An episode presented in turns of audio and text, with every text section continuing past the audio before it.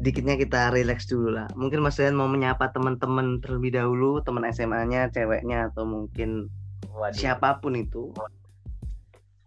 Eh, bagi yang mendengarkan ya stay Vasco aja sih udah itu aja sih Pasco doang Mas Rian. oh i itu nomor satu sih ya Emang menurut Mas Rian Vasco itu eh, apa sih?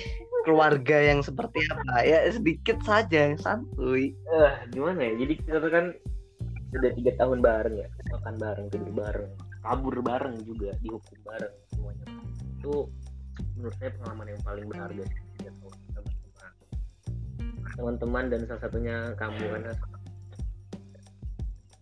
Ya pokoknya berharga banget gitu. nggak bisa terulang lah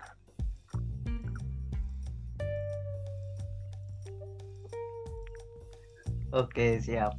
Pasco, hei dengarkan teman-teman Pasco ini kita itu harus saling menjaga lah persaudaraan kita, jangan sampai lepas. Jangan sampai betul begitu Mas Rian? iya benar